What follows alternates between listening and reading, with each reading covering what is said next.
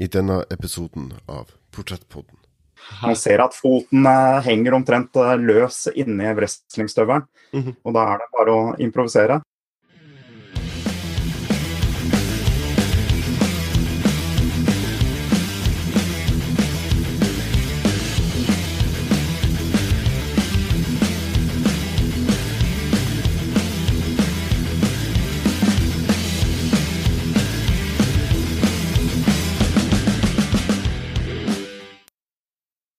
Stemmer.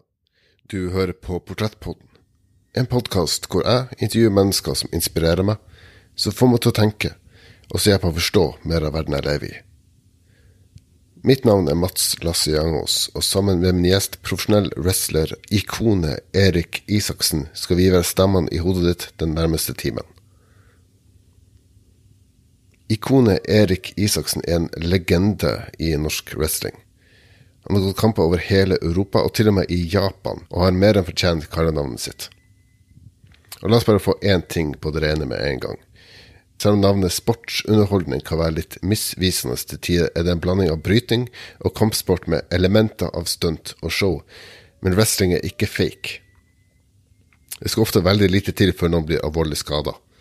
Man har mange eksempler fra utlandet på at wrestlere dør altfor ung. Dessverre har man også eksempler på utøvere som har blitt lam, brukket nakken eller til og med dødd i ringen. Det er ikke hvem som helst som kan tråkke inn i en wrestlingring og gjøre det de gjør. Og det er heller ikke alle forunt å ha en så lang karriere som Erik Isaksen har. Erik gikk sin første kamp i 1996, og nå i 2021, altså 25 år senere, ble han første medlem innlemma i Norsk Wrestlingforbunds æresgalleri. Men det betyr ikke at karrieren er over. På ingen måte. Lidenskapet til sporten er der fremdeles, og etter ett og et halvt år borte fra ringen pga. koronapandemien, er han igjen klar for å gi minst like mye deng som han får. Om ikke mer. I løpet av denne samtalen prater vi om hvordan han fikk starten i wrestling, myter om sporten, hvordan han starta opp Norsk Wrestlingforbund, da VVE, det største selskapet i verden, kom til Norge, og mye mer. Med det ønsker jeg dere riktig god fornøyelse, og her er ikonet Erik Isaksen. Jeg er da her med mann som er synonym med norsk wrestling. Eh, selveste ikonet i norsk wrestling, kan man vel si. Ikonet Erik Isaksen. Hvordan har du det i dag? Jeg har det veldig bra. Da jeg ha, eh, I forrige helg så hadde jeg to fantastiske wrestlingshow. Og vi er endelig i gang igjen etter koronapandemien i norsk wrestling. Og sånn sett så skal det bli gøy å snakke litt om wrestling i dag. Ja, ja. Ja, det, det, det er også noe jeg har, har tenkt altså, det, det er så- selvfølgelig mange som har blitt ramma av, av denne eh, pandemien, og mange har blitt nødt til å, utsette show og legge ned og sånt. Men jeg tenker så, så rett det er sikkert vanskelig å holde énmeteren i en wrestlingring. Det er nok eh, helt uh, umulig. Der er det nok mer kroppskontakt uh, enn det som er vanlig de fleste steder. Men, eh, men eh, det har eh, gått eh, bra. Ingen symptomer til noen forkjølelse eller annet nå. Og vi, er jo veldig påpasselige med at vi har vært nøye under treninger og sånn, og etter vi starta opp igjen i august, at vi, skal bruke antibac og Mm. passe på å holde oss hjemme hvis det er noen som har symptomer på, på forkjølelse eller noe annet. Ja. Så nå har um, antibac fått like naturlig plass i, i bagen som babyolja. Ja da, nå jeg vel kanskje hatt uh, enda mer antibac i bagen enn uh, Mm. babyolje. Ja. Ja, Det, det er sikkert mange som, som hører på, som, som kjenner til deg og kjenner til eh, Norsk Wrestlingforbund, men jeg tror kanskje, kanskje sånn gjengse mann i gata vil kanskje si at uh, Uh, altså Deres inntrykk av wrestling er at det her er bare skuespill, det er bare såpeopera for menn i spandex. Uh, det er jo selvfølgelig ikke så eh, fake som folk skal ha det. Det, det vet jo selvfølgelig uh, du veldig godt. Uh, eh, hvordan, I løpet av denne samtalen komme inn på hvordan du fikk starten og, og din, din karriere, hvordan du ble ikonet Erik Isaksen. Men først, hva, hva har du da å si til dem som sier at det du har viet livet ditt til, det er, det er fake? Ja, det man kan si om wrestling, det er at det er sportsunderholdning. Det integrerer eh, bryting og kampsport med stunt og show. Og det er et uh, herlig show der vi klarer å engasjere publikum til å heie og juble og bue. Og ha full kontroll egentlig over uh, publikum. Mm. Det er fake og fake. Hva er det som er fake? Det er masse som er, er det, men ikke nødvendigvis wrestling. Nei. Folk, folk veit at det er en blanding mellom sport, stunt og show ofte. Mm. Og vi prøver ikke å fremstille det som noe annet. Det krever heller mye mer enn uh, av en del andre sporter og underholdningsformer. For vi er både nødt til å være atletiske, men vi er også nødt til å engasjere publikum på en helt annen måte enn det en vanlig idrettsutøver gjør. Mm. Hvis man først skal, skal ta det diskusjonen, så kan, har man det, selvfølgelig det argumentet at hvis man ser på ikke, Friends eller Breaking Bad, det er jo også fake i, i den forstand. for de, de, vet jo hva de skal gjøre, de har uh, manus på ting. Men jeg tror de fleste som, som, hører på, de har ikke så kjempelyst til å frivillig lande på parkettgulvet i stua flere ganger i løpet av en kveld. Så du, du merker jo at det, det, er ikke det, det er ikke trampoline dere jobber i, for å si det sånn. da. Ja, Wrestlingringen den består av eh, jernbjelker eller stålbjelker og, og, treplater og et tynt lag med matter. Så det er ikke akkurat en trampoline eller tjukkas vi hopper på. Nei. Og man merker det etter, eh, etter, hver eneste kamp at man har eh, vært i en eh, kamp. Det er mm. fysisk, og skade kan skje. Og det skjer også regelmessig egentlig at man får en smell her og der. Mm. Så man skal, skal, være ekstra motivert for å holde på med wrestling. Det er ikke noe for alle og enhver. Så Nei. hvis folk tror at det er enkelt fordi visse ting er innøvd eller planlagt på forhånd, så, så er det ikke det. Det er veldig, veldig fysisk. og og det er også veldig mye improvisasjon. Uh, mm. For å bl.a. å kunne engasjere publikum. Og så har man jo roller og karakterer som man spiller oppunder under uh, showene for å engasjere publikum. Ja. Men vi, vi, trener egentlig som en helt uh, vanlig sport. Vi trener masse teknikk. Og jeg vil påstå at det er vel få sporter som har flere teknikker enn det wrestling har. Og mulige momenter, da. Man har jo både de, de mer brytetekniske ferdighetene. men i tillegg så har man en ring der man kan klatre opp til toppen av rep og hoppe fra. og Kampene foregår jo både på innsiden og utsiden av ringen, så her er det, her er det mange momenter man skal eh, ta hensyn til. Ja. Jeg tenker også, altså, altså det de, altså, man, man, Selvfølgelig må man være godt trent, og det, man, eh, man uh, kommer ikke rett fra gata og går rett inn i ringen. Det er, det er grunnen til at de alltid sier på amerikansk TV 'do not try this at home'. Uh, så jeg tenker altså, det, det, den, den børen man, man bærer et, etter en kamp, den, uh, den, den merker man. Men, og, men, det er jo også en grunn til at dere er så godt trent, og hvis man gjør noe feil, så kan det fort gå galt. Altså, kan, man løper den risikoen at man kan skade noen til den grad at de havner i rullestol, i verste fall. Ja, i hvert fall så kan det skje. Vi, prøver, vi har jo veldig fokus på sikkerhet under trening og også under uh, show, men uh, skade kan skje. Det er små marginer. Mm. Vi har hatt uh, ankelbrudd og andre brudd under, under, kamp, så er, man kan aldri forutse 100% hva som skjer. Jeg kan nevne et eksempel.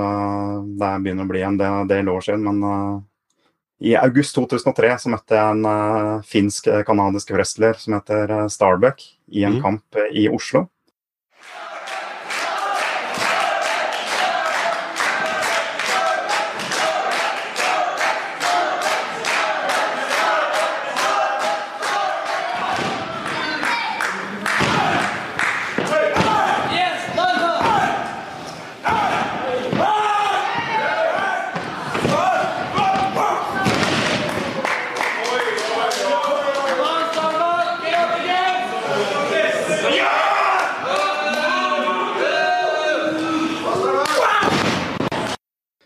Havna på utsiden av ringen, og så plutselig så ser jeg det at uh, ankelen hans er uh, knekt.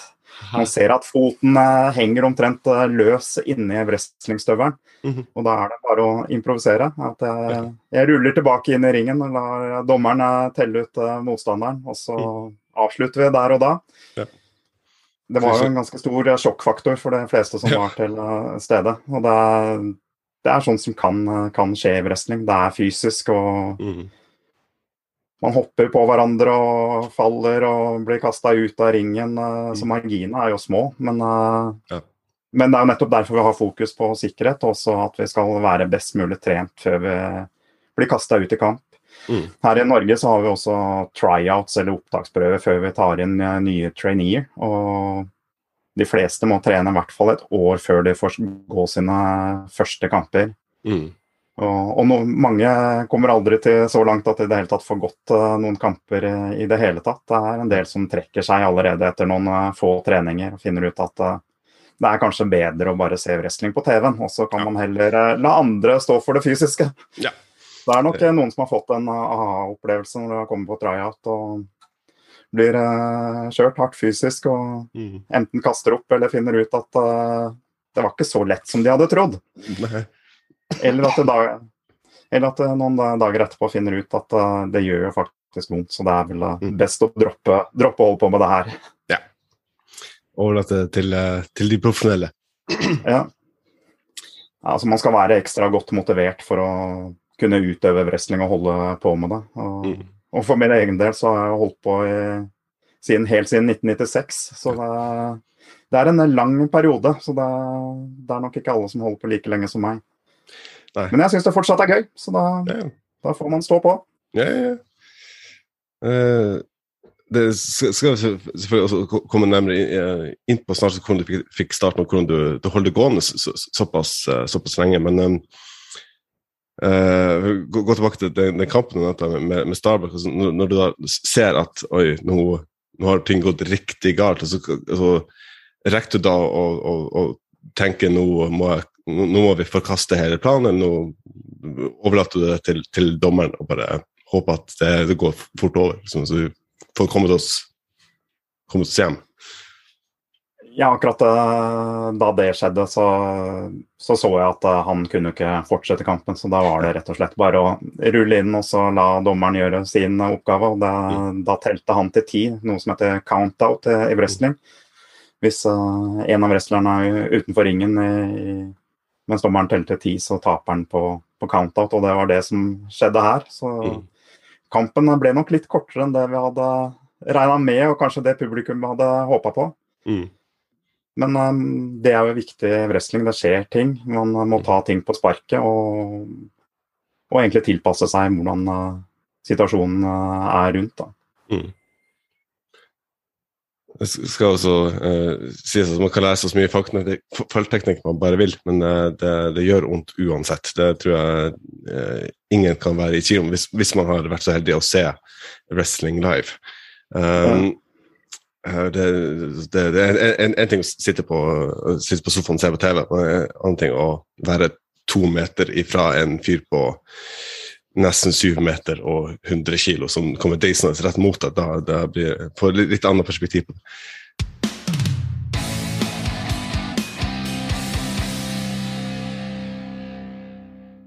Du nevnte jo du, du starta din, din, karriere i, i 1996, og det er jo det begynner å bli et par år, men, men hvor, kom, hvor, kom, den, den kjærligheten til wrestling fra? Altså, hvor, altså, hvor, hva en reise mellom å bare se på det og være fan, til å faktisk tenke det her skal jeg gjøre sjøl? Det er vel eh, Da må man reise helt tilbake til 1985-86 ca. Da jeg var en 11-12 mm. år gammel, så så jeg wrestling på Sky Channel. Mm. Og jeg var ikke en sånn spesielt uh, sportsinteressert uh, type, men uh, wrestling, det var gøy. Det var noe helt annet. Så det var så mange momenter der du hadde det hadde de karakterene som du egentlig forelska deg i og syntes var kule, og andre som du mislikte sterkt. Mm. Og den, den, den, greia med wrestling, at det er sympatiske wrestlere og, og folk du egentlig elsker å hate. Det er mm. vel egentlig det som er greia med wrestling. At du lever deg inn i det og heier på folk. Og du får det engasjementet som du har i sport, men i tillegg så er det dramaturgien i tillegg da, som egentlig mm. gjør det enda mer eh, spennende. Ja. Så det er jo som du, du, også nevnte innledningsvis, at det er jo på en måte en såpeopera for menn, men, uh, men det er så mye mer. Jo. det er så sammensatt. Ja. Uh, og det var jo egentlig det at jeg elska wrestling og se på det på TV. Jeg måtte jo se wrestling på TV hver eh, lørdag. Og, mm. og, det var jo noe jeg begynte å drømme om å starte med sjøl. Mm -hmm. Og da jeg begynte på ja, sikkert på slutten av ungdomsskolen og begynnelsen av videregående, så, så begynte jeg også å ta kontakt eh, med noen utenlands da, for å høre om wrestlingskole osv. Men det var først da jeg egentlig reiste til England i 1995 at jeg kom i kontakt med miljøet og fikk muligheten til å, å starte å trene. Wrestling har vært veldig stort eh, i England eh, i mange år, så der er det jo lange tradisjoner eh, for wrestling.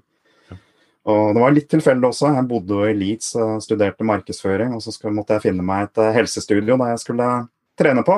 Mm. Og Der sto det drevet av tidligere profesjonell wrestler The Little Prince. Og Da, da fikk jeg en fot innafor, for han uh, sa ja når jeg spurte om det var mulig å få noe trening der. Mm. Og et, uh, det var vel sånn rundt september 1995, og et halvt år senere så hadde jeg mine første, første kamper i England. Ja. Bare i løpet av det første året så gikk jeg vel rundt 40 kamper og reiste rundt det meste av England fra nord til uh, sør og opptrådde foran uh, publikum i store mengder. Så det var jo ofte mange hundre og opptil kanskje 1000 tilskuere på enkelte av de showene jeg deltok på, på England den gangen. Mm. Det er egentlig mange tilfeldigheter som, som, som, gjorde at du, du først fikk uh, den, den, den, foten innafor. Uh, og du, du, går da uh, mange kamper, du, du får den, den erfaringa du trenger, men det er jo ikke noe racingmiljø i, i Norge på den tida. Og jeg skulle at vi har racingmiljø i Norge nå, er jo takket være deg. Så hvordan når, du eh, omsider kommer tilbake til Norge, hvor, hvordan starter man et, et wrestlingforbund? Liksom? Ja, det er jo litt sånne tilfeldigheter der også, for mm. å ta det sånn. Det var ikke så mye internett uh, på midten av 1990-tallet. Eh, dårlig med det. Uh, nei, det var dårlig med det. Og det var ikke så lett å komme i kontakt med de som hadde interesse for wrestling. Eh, men eh, det var noe som het eh, VG-kontakt, der folk med spesielle fritidsinteresser kunne komme i kontakt med andre mennesker. og jeg, jeg tok rett og slett og, sendte en, et brev til dem og spurte om de kunne legge ut at jeg hadde lyst til å komme i kontakt med folk med interesse for wrestling, og eventuelt da lære wrestling. Og da var det en person fra Finnsnes som tok kontakt med meg.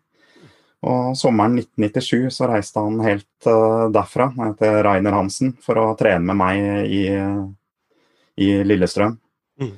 Så da start, Det var jo den spede begynnelsen på, på, norsk wrestling. At han og jeg trente, leide en uh, sal og begynte å trene sammen. og etter hvert som jeg fikk en internettside, så kom jeg også etter hvert i kontakt med flere. Men det var først sånn rundt årtusenskiftet at det begynte å bli et lite miljø. Mm. Og noen av de som starta å trene wrestling sånn rundt år 2000, et par av dem er fortsatt aktive, sånn som Bjørn Sem og Garm Støylen. Så det, det, er mange med et eh, stort hjerte for wrestling som har kommet inn i miljøet, og som fremdeles er en, eh, en del av eh, wrestlingmiljøet i Norge. Mm. Nevnte også uh, at uh, du, du, hadde de første, opple første med wrestling på, på, på Sky TV. tror jeg de, de de fleste som er wrestlingfans i Norge, hadde. Um, husker du den første kampen du så? Ja, det, det skal jeg gjøre.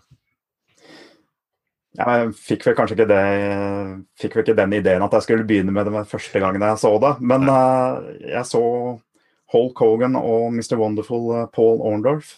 It looks like Hogan is getting it back together again. In the meantime, here comes Orndorff with another shot to the head of Hogan. And now Heenan's telling, you've got him, you've got him, Orndorff. He's telling him, go get him. And that's exactly what Orndorff is doing.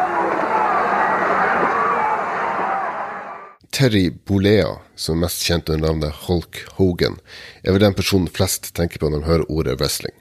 Den første store superstjerna som alle visste hvem var, og som brøyt gjennom bobla og kom inn i mainstream, noe som få andre har klart etter han, kanskje bortsett fra Dwayne The Rock Johnson. Mr. Wonderful som tok en uh, piledriver på Hulk Hogan. Og, og, det var jo egentlig en, uh, Dette hadde jeg ikke sett før. Og da ble jeg veldig nysgjerrig. og så uh, da var det bare å fortsette å se hver gang jeg så wrestling på TV-en. Det gikk jo wrestlingen på, på Sky Channel i hvert fall to ganger i uka. Så var det litt sånn eldre show på torsdager, og så var det de ferskeste showene på, på lørdager. Mm. Og, og, var ikke Jeg var ikke veldig glad de gangene jeg ikke fikk med meg showene, så der hadde jeg lyst til å se hver, hver uke. Og det var jo på den tida så var det kabel-TV på vei oppover i Norge. og mm. Og Noe av det første man kanskje snakka om da man kom til skolen på mandag, var jo hva som hadde skjedd i wrestlinga på, på, lørdagen. Så det, mm. det, var mange som fulgte med på den tida. Det var bare at uh, enkelte mista aldri interessen for wrestling, og det, det er vel meg. Og så bare for å ha sagt det i tilfelle noen lurer på hva, eh, jeg har vært, hva han sa nå. Eh, altså En pie-driver er da når du blir holdt opp ned av motstanderen din og får hodet denga i matta. Mer eller mindre. Da får man, da får man eh, knust hele ryggsøyla. Man, ja. det, er, det, er, det, er, veldig vanskelig å forklare wrestlinggrep med ord. Men ja. ja. som du sier, man blir holdt opp ned hodet, man har motstanders hode mellom beina, og så bare se, hopper man opp i lufta og setter seg ned på rumpa. Og, og huet til motstanderen går rett ned i canvasen. Ja.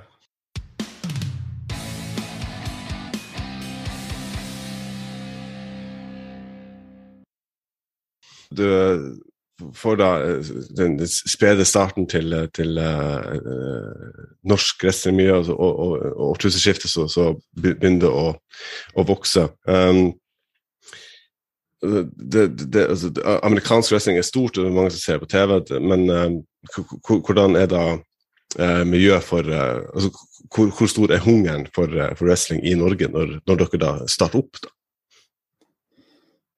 Ja, det, Hvis vi går tilbake til uh, i 2001, så hadde vi jo egentlig fått en uh, rundt ti personer som trente wrestling aktivt. 10-15 personer som trente. Mm. Og Det var på tide egentlig å etablere Norges Wrestlingforbund, som ble offisielt stifta i juli 2001. Så vi har akkurat tatt uh, har, I forbindelse med at vi hadde første show igjen nå etter uh, pandemien, så hadde vi også 20-årsjubileum for uh, starten av Norges Wrestlingforbund. Mm. Og ja, hva skal man si, på den tida så det var flere som hadde interesse for wrestling. Folk huska wrestling fra, fra TV-en, og det var en del som hadde fulgt med på wrestling i mange år. Andre kom i kontakt med wrestling i form av TV-spill og dataspill. Så det var en litt sånn lett blanding av personer. Så det var noen uh, yngre personer i tenåra, så var det litt uh, voksne folk i 20-åra som starta med, med, wrestling her i Norge. Og første showet i Norge, eller første norske wrestlingshow ble arrangert i oktober 2001 i Trondheim under studentuka i Dødens dal. Mm.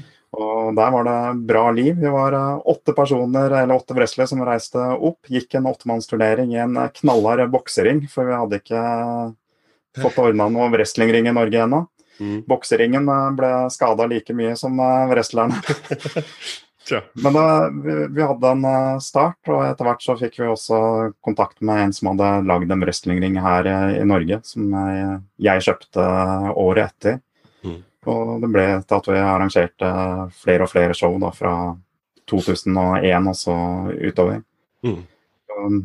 Vi hadde show i Trondheim i oktober 2001, Bergen mars 2002, og så hadde vi show i Oslo i august 2002. Og da hadde vi jo hatt show i de tre største norske byene allerede.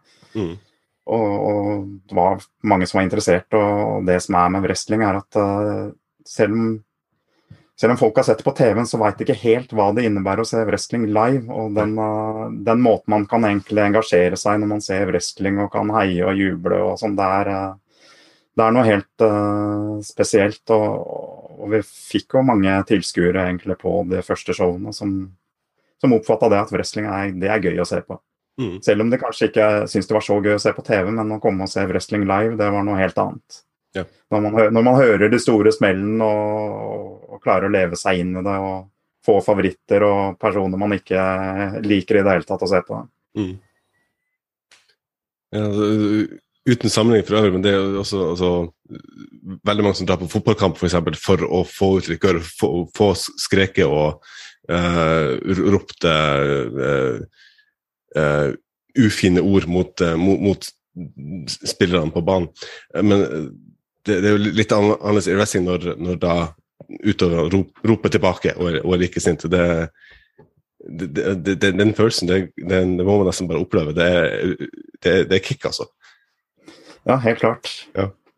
Hvordan, hvordan, holder du den, den, den, gløden og den kjærligheten ved like etter så mange år? Um, hva, hva, gjør at det, fortsatt er spennende å, å gå kamp?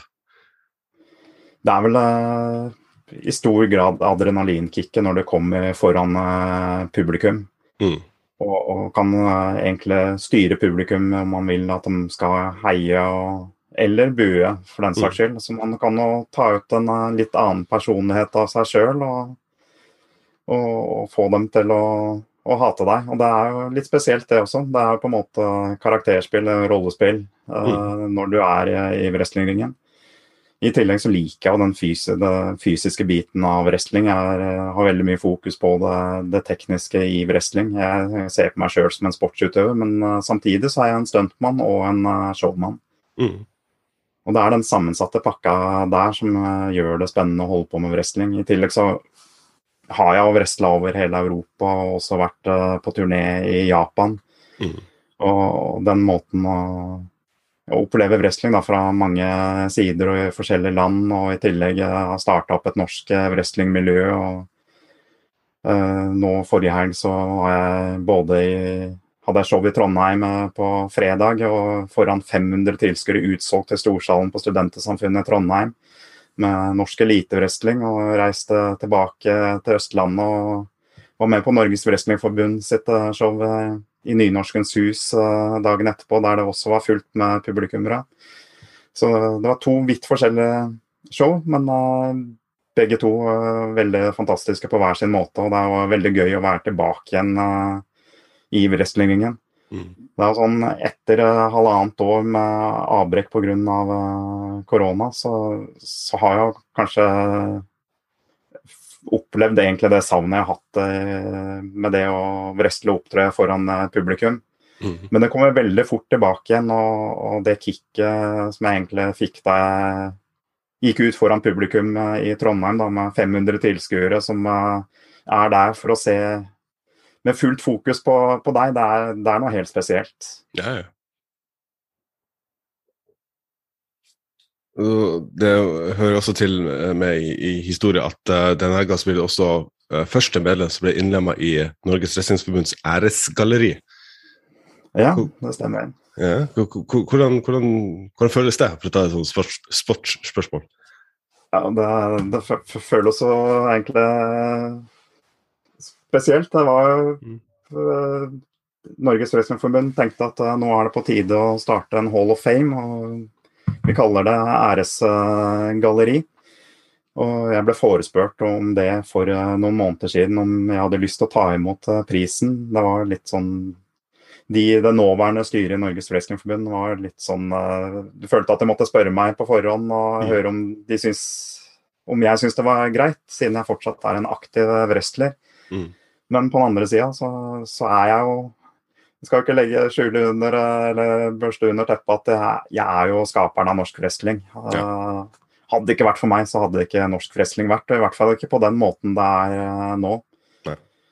Det er noen som må ha spesielt engasjement og, og, virkelig brenne for noe for å kunne starte opp et miljø eh, med noe som ikke har hatt fotfeste i Norge i det hele tatt. Mm.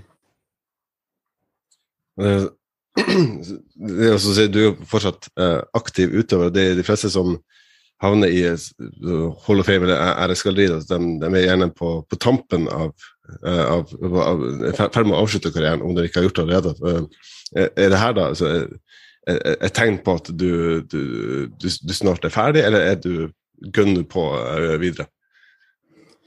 Jeg syns fortsatt wrestling er gøy. Jeg syns, som nevnt, det å kunne og opptre foran publikum, det er noe helt spesielt. Og jeg mm. kommer til å fortsette med det, med det videre. Jeg har ikke satt noen sluttdato, men det er jo klart, uh, på et eller annet tidspunkt så sier vel uh, kroppen at det er på tide å, å gi seg. Men uh, jeg har ikke kommet dit ennå. Jeg føler på mange måter at jeg er i hvert fall like god form som jeg var for ti år siden. Er 47 år nå, så det, Mhm. Vi får se hvor lenge jeg holder på, men det er jo ikke noen grunn til å sette en sluttdato så lenge man brenner for noe og fortsatt syns det er uh, gøy. Nei.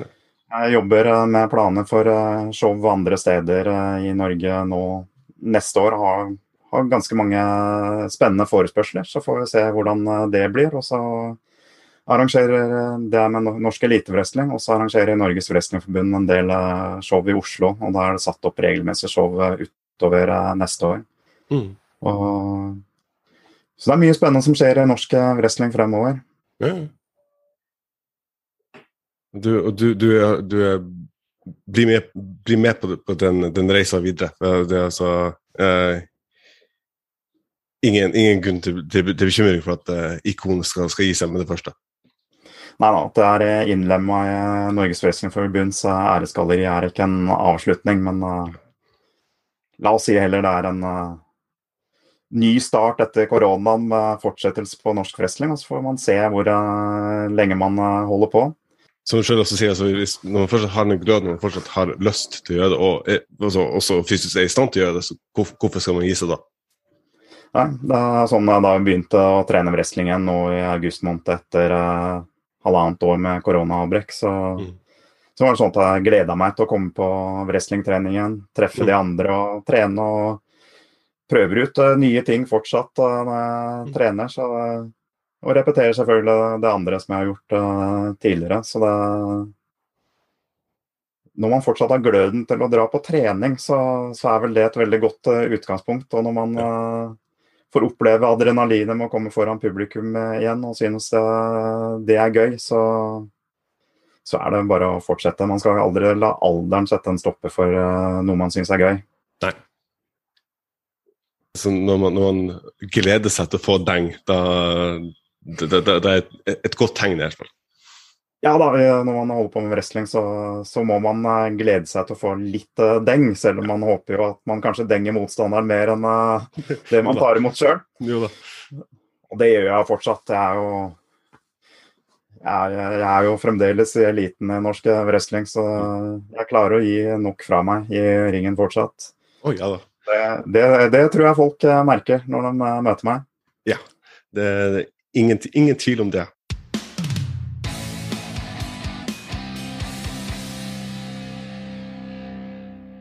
Det, er jo, eh, som du sier, du er i, i eliten i, i, norsk wrestling, og det, det har vært allerede en lang karriere som, som heldigvis nå har fått på, på dette. Det ikke er over ennå men det er da eh, en veldig fysisk krevende sport, og man, man kan aldri safeguarde seg helt for, for at noe skal gå galt. Har, har, du noen gang eh, hatt noen skikkelig ille skader i løpet av eh, karrieren?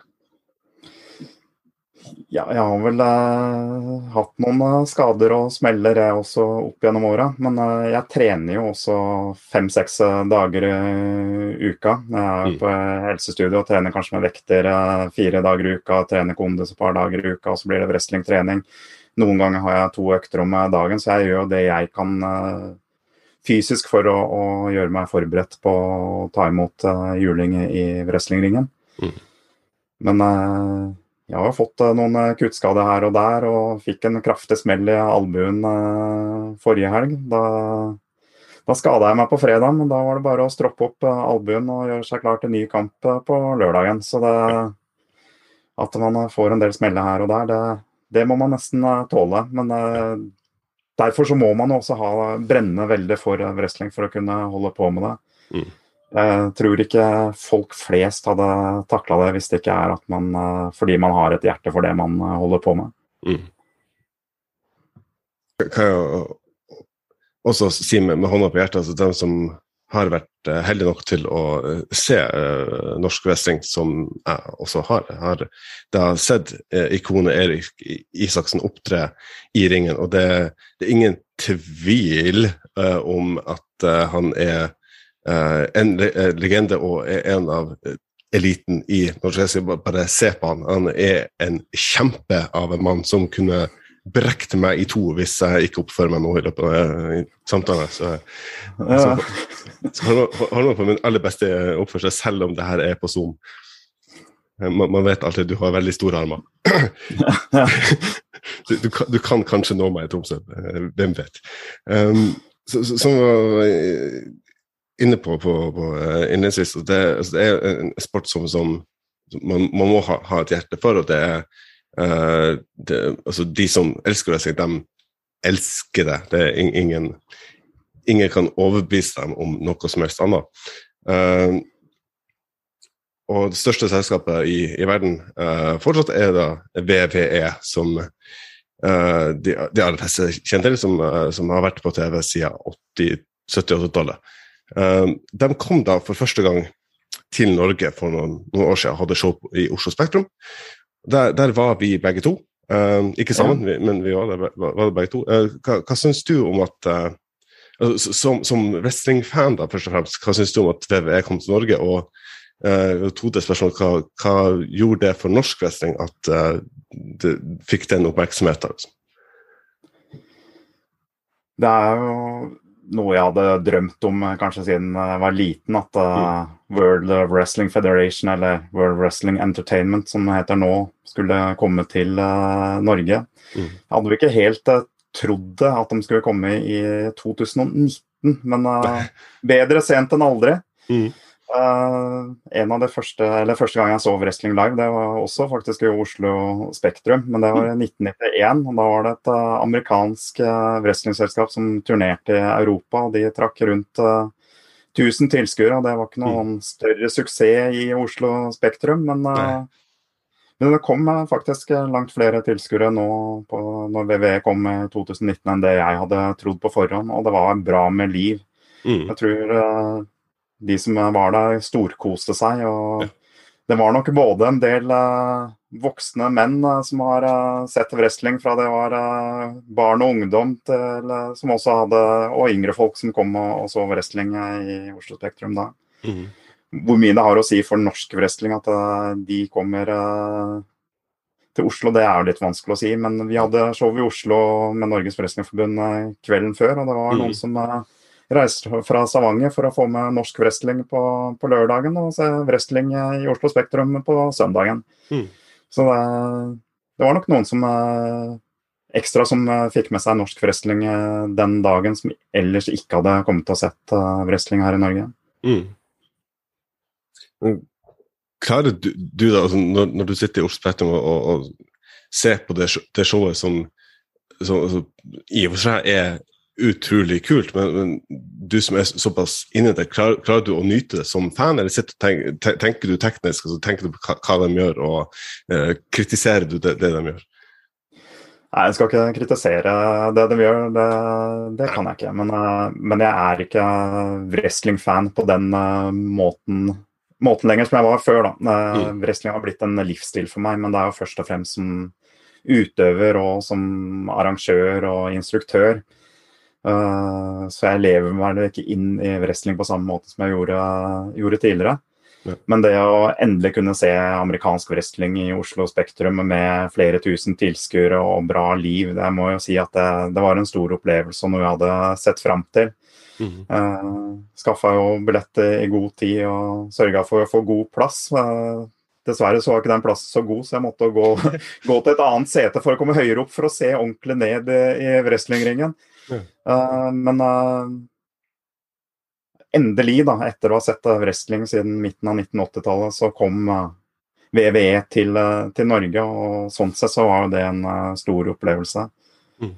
Og det var gøy å se hvordan de gjør det på et liveshow. Uh, for det, de legger jo opp showene annerledes enn det de gjør på et uh, TV-show. Da har det mye mer uh, de må, Der må du holde et mye tettere program med, med, med tider, men når de er på et liveshow, så, så har de en annen måte å gå kamper på og engasjere publikum. og det var gøy å se hvordan de gjorde det, og hvor annerledes det egentlig er i forhold til TV-sendingen deres. Mm. Det er et av de beste minnene jeg har om tida før covid. Å sitte i Oslo Spektrum sammen med fem av mine aller beste venner og hoie og skrike og juble, det er noe jeg seint kommer til å glemme.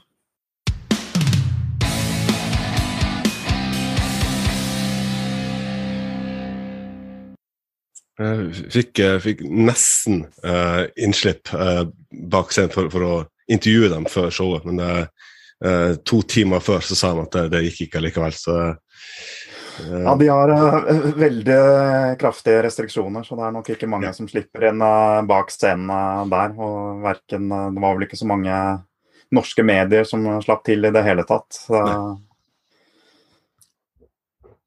det, det, kan man jo for så vidt skjønne. Det er jo et uh, milliardselskap. De uh, skal jo gjerne uh, beholde sine hemmeligheter for, for, for seg sjøl, kan, kan, man vel si. Det er jo litt merkelig når du kommer til Norge og arrangerer et show foran flere tusen tilskuere. Det er omtrent bare de som er i Oslo Spektrum som får vite om showet. For det var jo ingenting ja. som sto i norske medier i etterkant, og det, det blir jo litt spesielt. Mm. Så, så, sånn sett så klarer, klarer de jo ikke å skaffe flere nye fans som har lyst til å se neste gang. For det var jo kun de som var til stede der, som fikk oppleve det. Mm. Holdt på å si man får håpe den kommer tilbake, men eh, det, det gjenstår jo å se.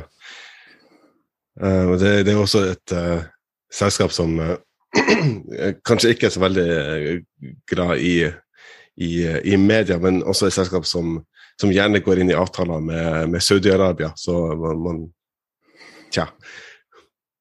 Ja, det er jo prioriteringer de har, så. ja.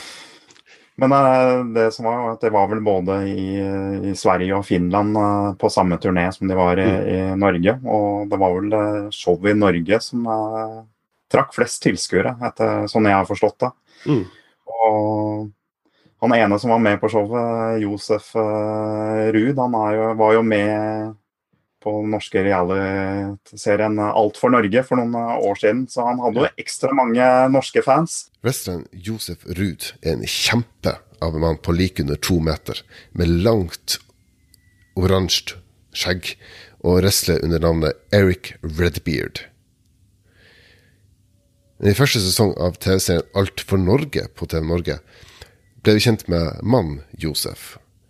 Og da han kom ut til ringen i Oslo Spektrum, det eneste publikum ropte, var 'Alt for Norge', alt for Norge. Noe som tilsynelatende gjorde stort inntrykk på Ruud, basert på hans postinger på sosiale medier i tida etter showet. Det hadde han nok ikke venta, det hadde nok ikke WWE heller venta, at eh, den mest populære wrestleren er, eh, var ikke den som kanskje har vært eh, mest i fokus i USA, men som har vært mest i fokus på norsk TV, mm. på norsk reality. Ja. Det det er, det, er jo, det er, jo, artig å, å kunne, kunne, vise amerikanerne at vi, vi, vi, får det til i Norge også. Ja, ja. ja. Uh, nevnte altså, du også uh, i løpet av din karriere også vært innom uh, gjort kamper i, i bl.a. Japan. Og Japan fordi uinnvidde er også kjent for å ha en veldig skal vi se lite, lite høflig stil, kan man si. De, de, de, de, holder ikke så veldig mye tilbake, kan man si på den måten.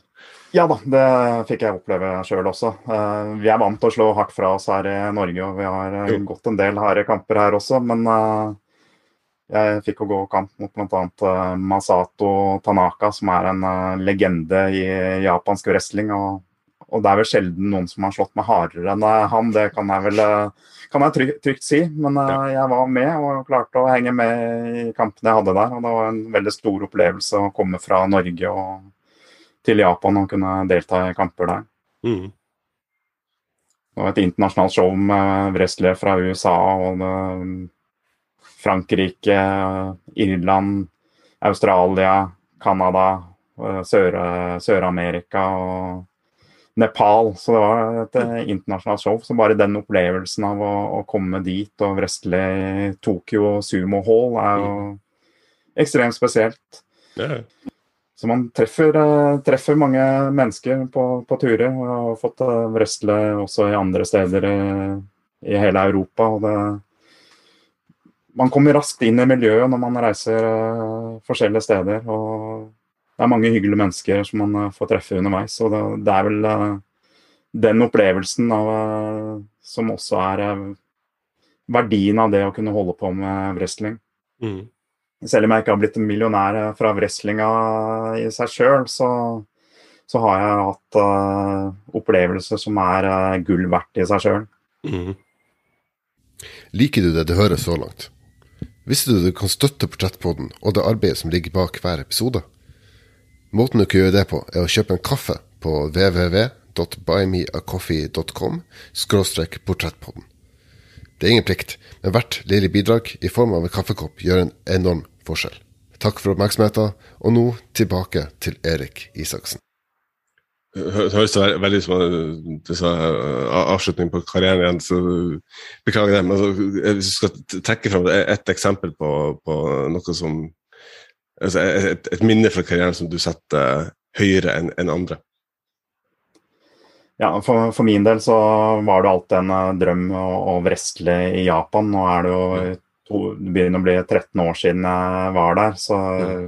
om jeg blir invitert igjen, det er vel heller usikkert. Men uh, det å oppnå den drømmen å kunne wrestle i Japan med de japanske wrestlerne og være på TV i Japan uh, og trene litt i doyoen der, det, det, er jo et minne jeg alltid kommer til å ha med meg.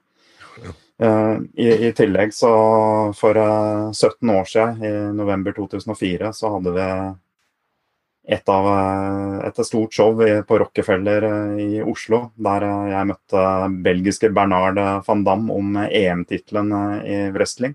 Mm -hmm. Og, og, vant. Og, og den, den opplevelsen kommer jeg også alltid til å huske. I tillegg så er det jo alle de opplevelser jeg har hatt med wrestlere her i Norge. Reist land og strand rundt i Norge og arrangert show med norsk elitewrestling og, og roadtrips i Norge. Det er jo litt opplevelse man kan få her også. Enten det står en ku midt i veien eller uh, det kommer en uh, snøstorm som omtrent uh, blåser deg av veien. Så mm. det, det, er mye, mange opplevelser både i og utenfor ringen.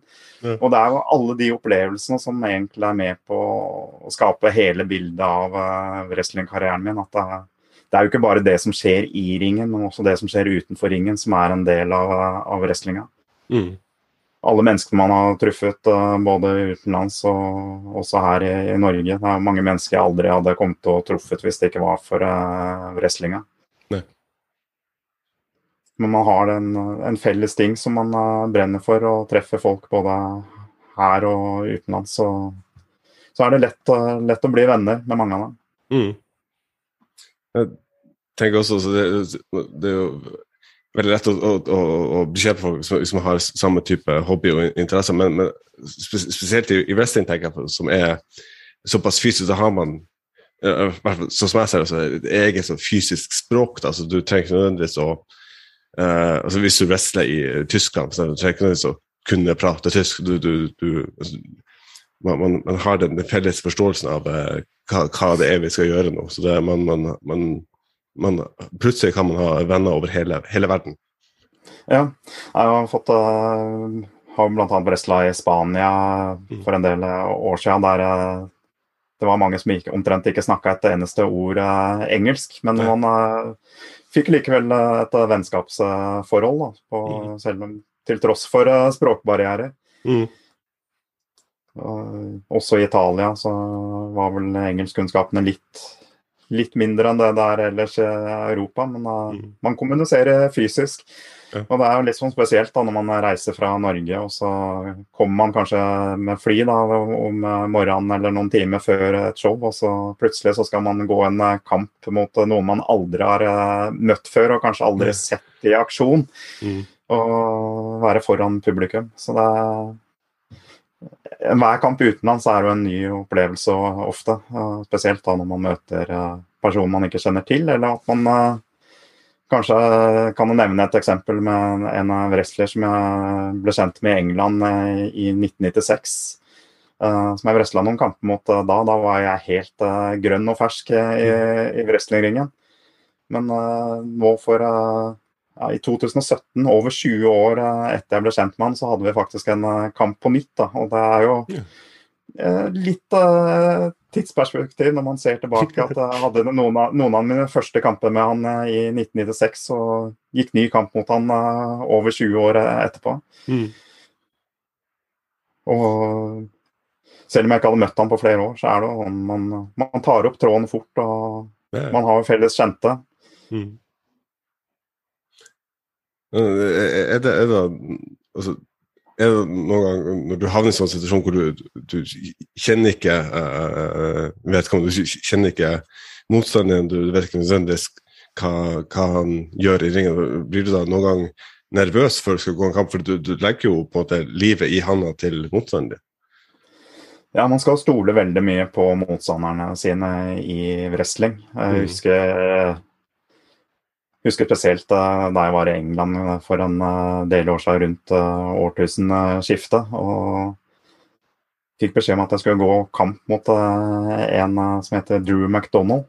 Mm. Som eh, ser eh, ekstremt eh, skummel ut, for å, si det sånn som det var.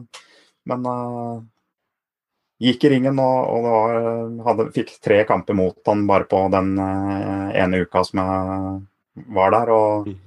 Og det var en god og lærerik opplevelse. Så man eh, skal aldri Selv om noen, eh, noen er, eh, ser skumle ut, så, så er det til å stole på. Og veldig, veldig mye man kan lære egentlig av å gå kamper mot forskjellige mennesker. Mm. Uh, og man lærer jo å plukke opp noe nytt hver gang man går mot en man aldri har gått uh, kamp mot før. Ja. Men det er jo som du sier, man eh, skal stole på de man eh, møter. Man eh, legger jo livet sitt i hendene på en annen person som man kanskje kunne ha møtt noen timer tidligere. Mm. Så det er jo veldig, veldig spesielt. Ja.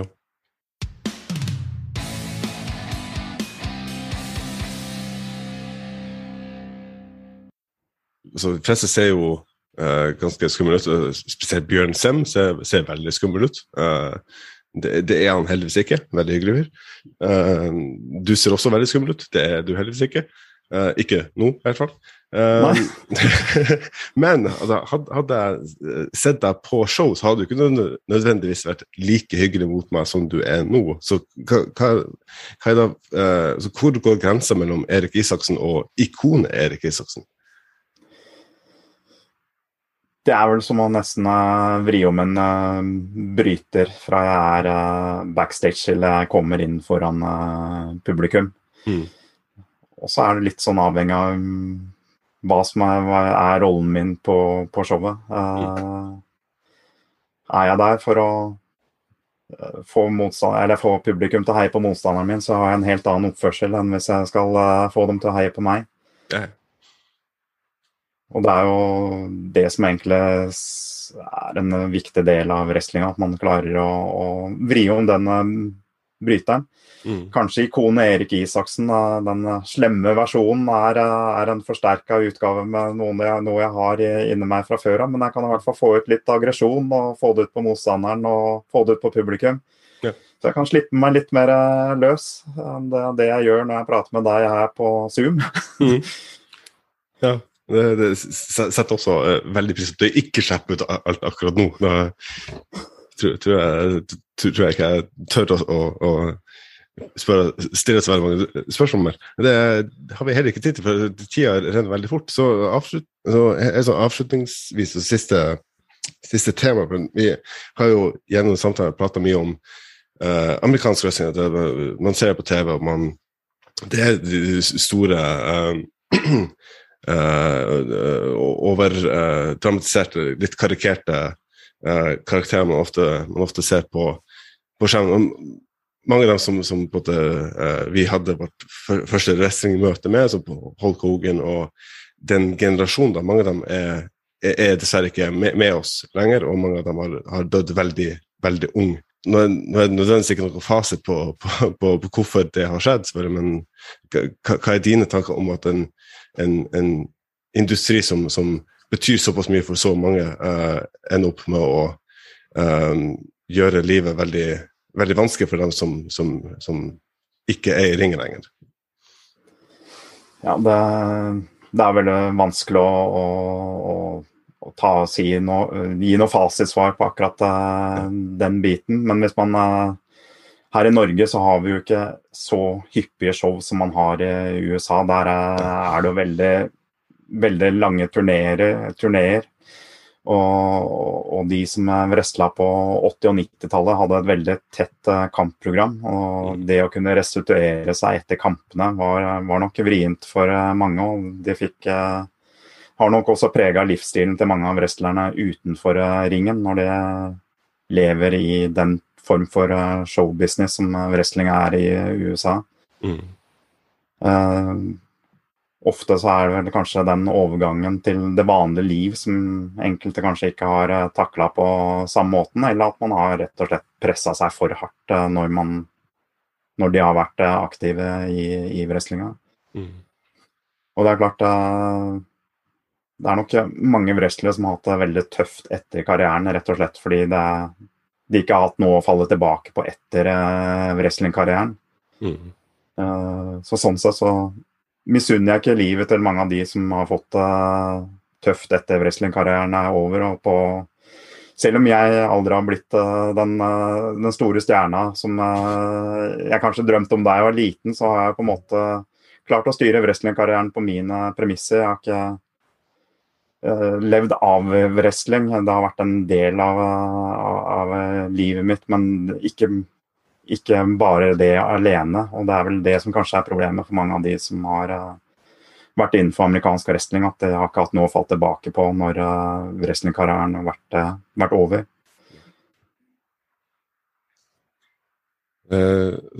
heldigvis kan, kan, man si er ikke livet så, såpass hardt for, for norske wrestlere. Det ser ikke at Uh, de, de uh, li, dere da, lider såpass store konsekvenser som, som man da har, har, har sett i, i USA. Mye i wrestling er jo mye sånn tradisjonsbasert, og, det, og respekt, selvfølgelig. Um, og det at man skal kunne stole på hverandre og, og sørge for at hverandre er, er, er trygge. Et annet element i wrestling er også at uh, sånn som jeg har opplevd det, at eh, eh, når man er noen som har holdt på lenge, så skal man gjerne gi stafettpinnen videre, om det er lov å si, til den, den, den yngre utøveren, den som har mer karriere foran seg enn bak seg, kan man si. Um, um, så, så når, når, da det om en eller annen gang om 15-20 år er, er, slutt for ikonet Erik Isaksen, hvordan ønsker du at du skal bli huska, for, for, å ende på det spørsmålet? Hvis man eh, ja, Jeg vil bli huska som en uh, viktig del av det norske wrestlingmiljøet. Jeg har vært med på å trene opp alle som har vært uh, innen norsk wrestling uh, så langt. Mm. Hatt en hånd med i spillet hele veien der. og Sånn sett så har jeg bidratt til, videre til den uh, neste generasjonen med, med, norske wrestlere egentlig hele veien. Noen har jo begynt med wrestling, og mange har slutta. Men idoler kommer og går, ikoner varer evig, kan man mm. jo si. Yeah. men jeg vil jo at de som er i det norske wrestlingmiljøet meg som en person som alltid har uh, gitt mitt for å uh, gjøre andre Skape andre wrestlere og også bidra til wrestlingmiljøet. Og, at wrestlere har fått muligheten til å starte her i Norge. Uh, ingen tvil om at uh, ikonet Erik Isaksen har uh, en velfortjent uh, fanskare av norske wrestlingfans. Uh, det er, later da ikke til at karrieren er over med det aller første. Jeg syns egentlig synd, rett og slett synd på dem som måtte møte deg i ringen etter at du har vært uh, sultefòra i ett og et halvt år. Uh, jeg, er glad jeg ikke er dem, sier sånn. Uh, Erik Isaksen, det har vært uh, kjempegøy å ha deg med i denne episoden, og setter veldig pris på at du tok deg tid til å, til å være gjest i denne podkasten. Ja, takk for at jeg fikk lov til å være med på en liten tidsreise gjennom podkasten. ja, jo, bare hyggelig.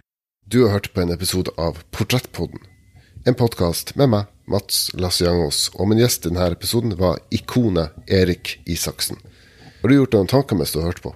Har du ris eller ros eller tips du ønsker å komme med, så kan du rette til Portrettpodden sine Facebook-sider, eller på portrettpodden at gmail.com. Husk også at du kan støtte Portrettpodden ved å kjøpe en kaffe på buymeacoffee.com.